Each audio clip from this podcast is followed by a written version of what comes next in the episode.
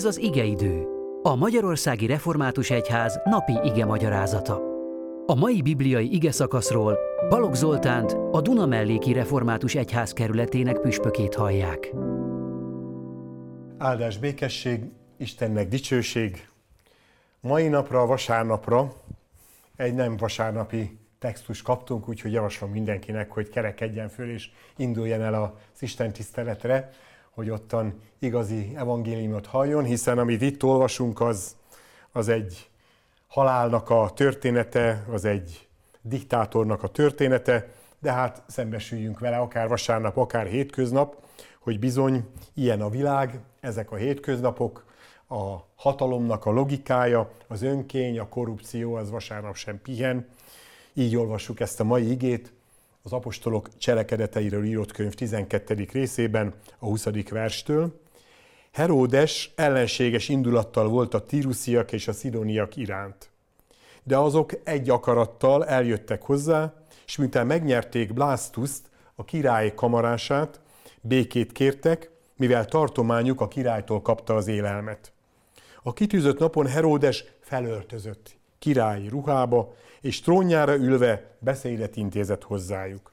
A nép pedig felkiáltott, Isten hangja ez, és nem emberé. Az úrangyala pedig azonnal lesújtott rá, amiért nem Istennek adta a dicsőséget.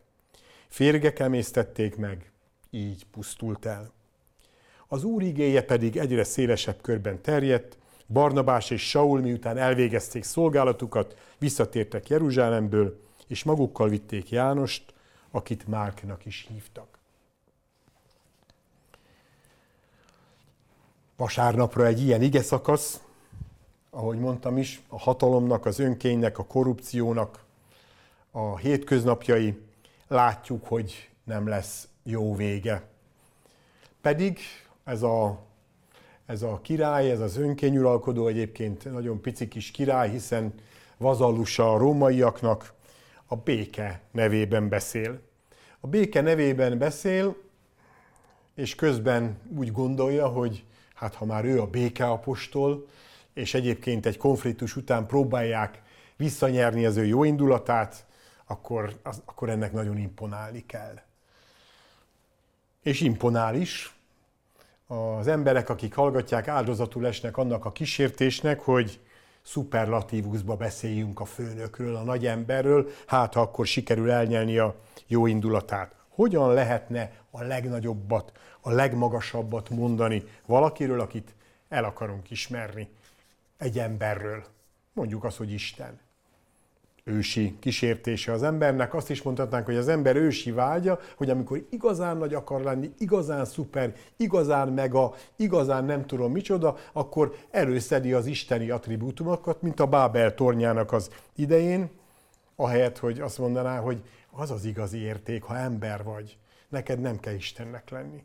Az Isten helye foglalt, de az ember helye az bizony gyakran üresen marad. Az a az a, az a régi teológiai vita évszázadokon keresztül olyan sokat mond, azt mondja az észak-itáliai hidegben rossz kedvűvé vált Ambrózius valamikor ott a 4.-5. század környékén, hogy azért lett Isten emberé, hogy mi megistenüljünk. Luther meg több száz év múlva válaszol neki, dehogy is. Azért lett Isten emberré, hogy mi igaz emberek lehessünk. Akarj ember lenni ne akar Isten lenni, és a szabad annyit javasolni vasárnapra, ezért ne is mond semmire, ami emberi, hogy imádom.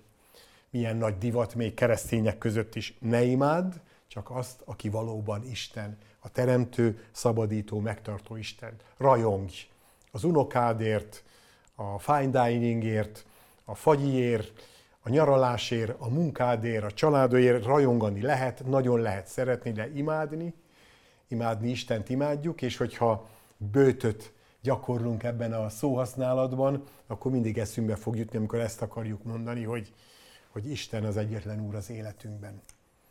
Áldás békesség, Istennek dicsőség, áldott vasárnapot!